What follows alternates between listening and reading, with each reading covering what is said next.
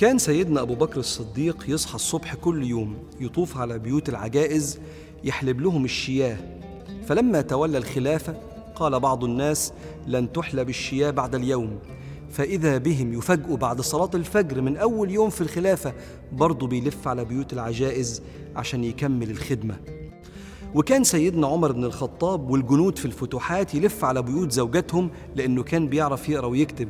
فيجيب الورقة ويكتب رسائل زوجات الجنود ليهم عشان يبعتها مع رسول خاص. وكان بنفسه بيقعد يكتب احتياجاتهم عشان يروح يجيبها لهم من السوق لأنها شيل تقيلة والرجالة غايبة بس عمر موجود. واشترى سيدنا عثمان بن عفان أول ما راح المدينة بئر روما من اليهود.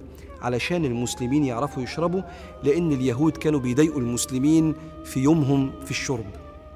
وكان سيدنا علي بن أبي طالب رغم أنه ما كانش غني لكن كان يبحث عن المحتاجين الصبح وبالليل وفي السر والعلانية ويدي كل واحد درهم. فأنزل رب العالمين الذين ينفقون أموالهم بالليل والنهار سرا وعلانية فلهم أجرهم عند ربهم ولا خوف عليهم ولا هم يحزنون. ده مثال لكبار الصحابة وباقي الصحابة كانوا كده.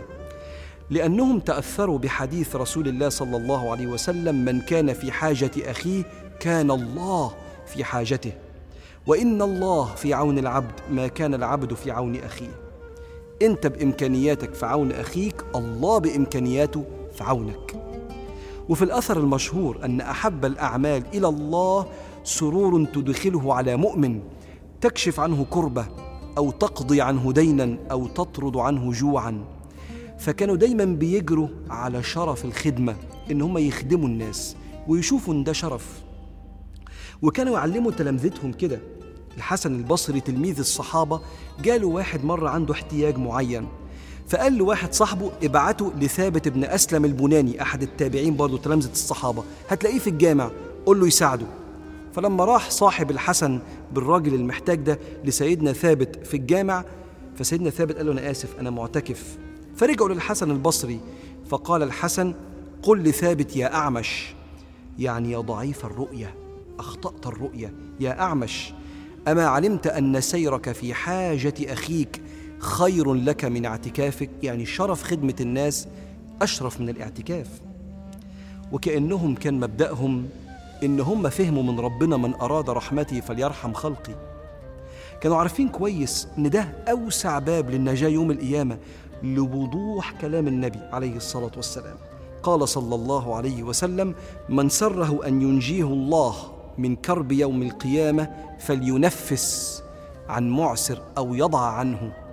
تفرج كربة إنسان في دقيقة الله سبحانه وتعالى ينجيك من أكبر كربة يوم القيامة.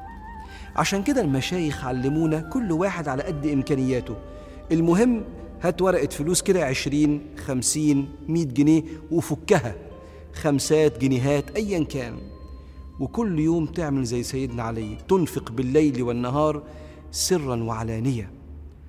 وعلمونا إن هدية ربنا اليومية ليك إنه يبعت لك إنسان صاحب احتياج وإنسان صادق فعلا محتاج. عشان يبقى بابك للتيسير عليه في الدنيا فربنا يسر عليك في الدنيا والآخرة. فلا ترد الإنسان المحتاج سواء تعرفه أو ما تعرفوش. المهم يكون صادق. لا ترده إلا بقضاء حاجته أو لو ما تقدرش بميسور القول وأما السائل فلا تنهر. وده اللي سماه العلماء شرف الخدمة فسيد القوم خادمهم. اللهم يا رب اجعلنا عونا لعبادك. واستخدمنا يا الله لتفريج كربات أحبابك. thank you